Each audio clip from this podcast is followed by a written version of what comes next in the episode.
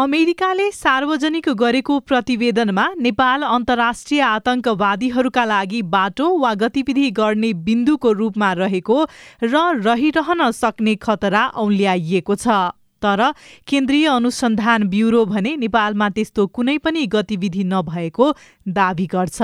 ब्युरोका प्रवक्ता एसपी बेलबहादुर पाण्डे। नेपालको जोखिम छ है यो नेपालको भोलि चाहिँ प्रयोग हुन सक्ने सम्भावना चाहिँ बढेर गएको छ है यहाँको व्यवस्थापन अथवा यहाँको चाहिँ भौगोलिक उपयुक्तताका हिसाबले भन्ने सन्दर्भ होला। त्यसरी औलिया जस्तो गरिकन कुनै आतंकवादी क्रियाकलाप भएको उनीहरूले नेपालको भूमि प्रयोग गरेर कहीँ घटना घटाएको छैन। अमेरिकी विदेश मन्त्रालयले सार्वजनिक गरेको कन्ट्री रिपोर्ट्स अन टेरोरिजम दुई हजार अठारमा नेपालको एकमात्र त्रिभुवन अन्तर्राष्ट्रिय विमानस्थलको सुरक्षा अवस्था कमजोर रहेको र भारतसँगको खुला सीमाका कारण नेपालमा आतंकवादीहरू सहजै प्रवेश गर्न सक्ने जिकिर गरिएको छ। त्रिभुवन अन्तर्राष्ट्रिय विमानस्थलले भने प्रतिवेदनमा उल्लेख गरिएको सुरक्षा सम्बन्धी विषयलाई गलत भनेको छ। विमानस्थलका प्रवक्ता प्रताप बाबु तिवारी। हाम्रा पनि संयन्त्रहरूले यसको मूल्याङ्कन बेला बेलामा गर्छौँ र बेला बेलामा सेक्युरिटीको लेभलहरू कुन बेलामा अलिकति बढी थ्रेटहरू आउन थाल्यो भने त्यही अनुसारले हामीले सुरक्षाका संयन्त्रहरू अपनाउँछौँ। तर के भने उहाँहरूले भने जस्तो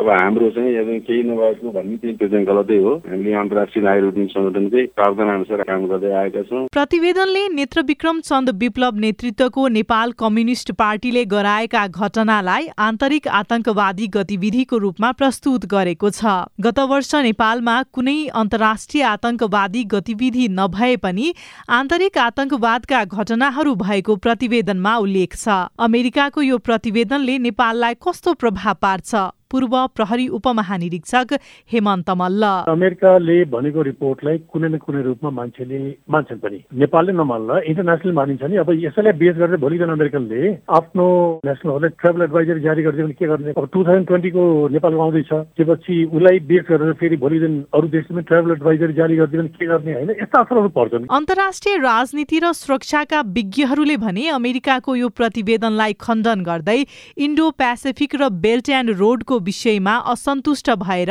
अमेरिकाले यस्तो प्रतिवेदन सार्वजनिक गरेको हुन सक्ने आशंका गरेका छन्। स्नेहा कर्ण सिआइएन काठमाडौँ।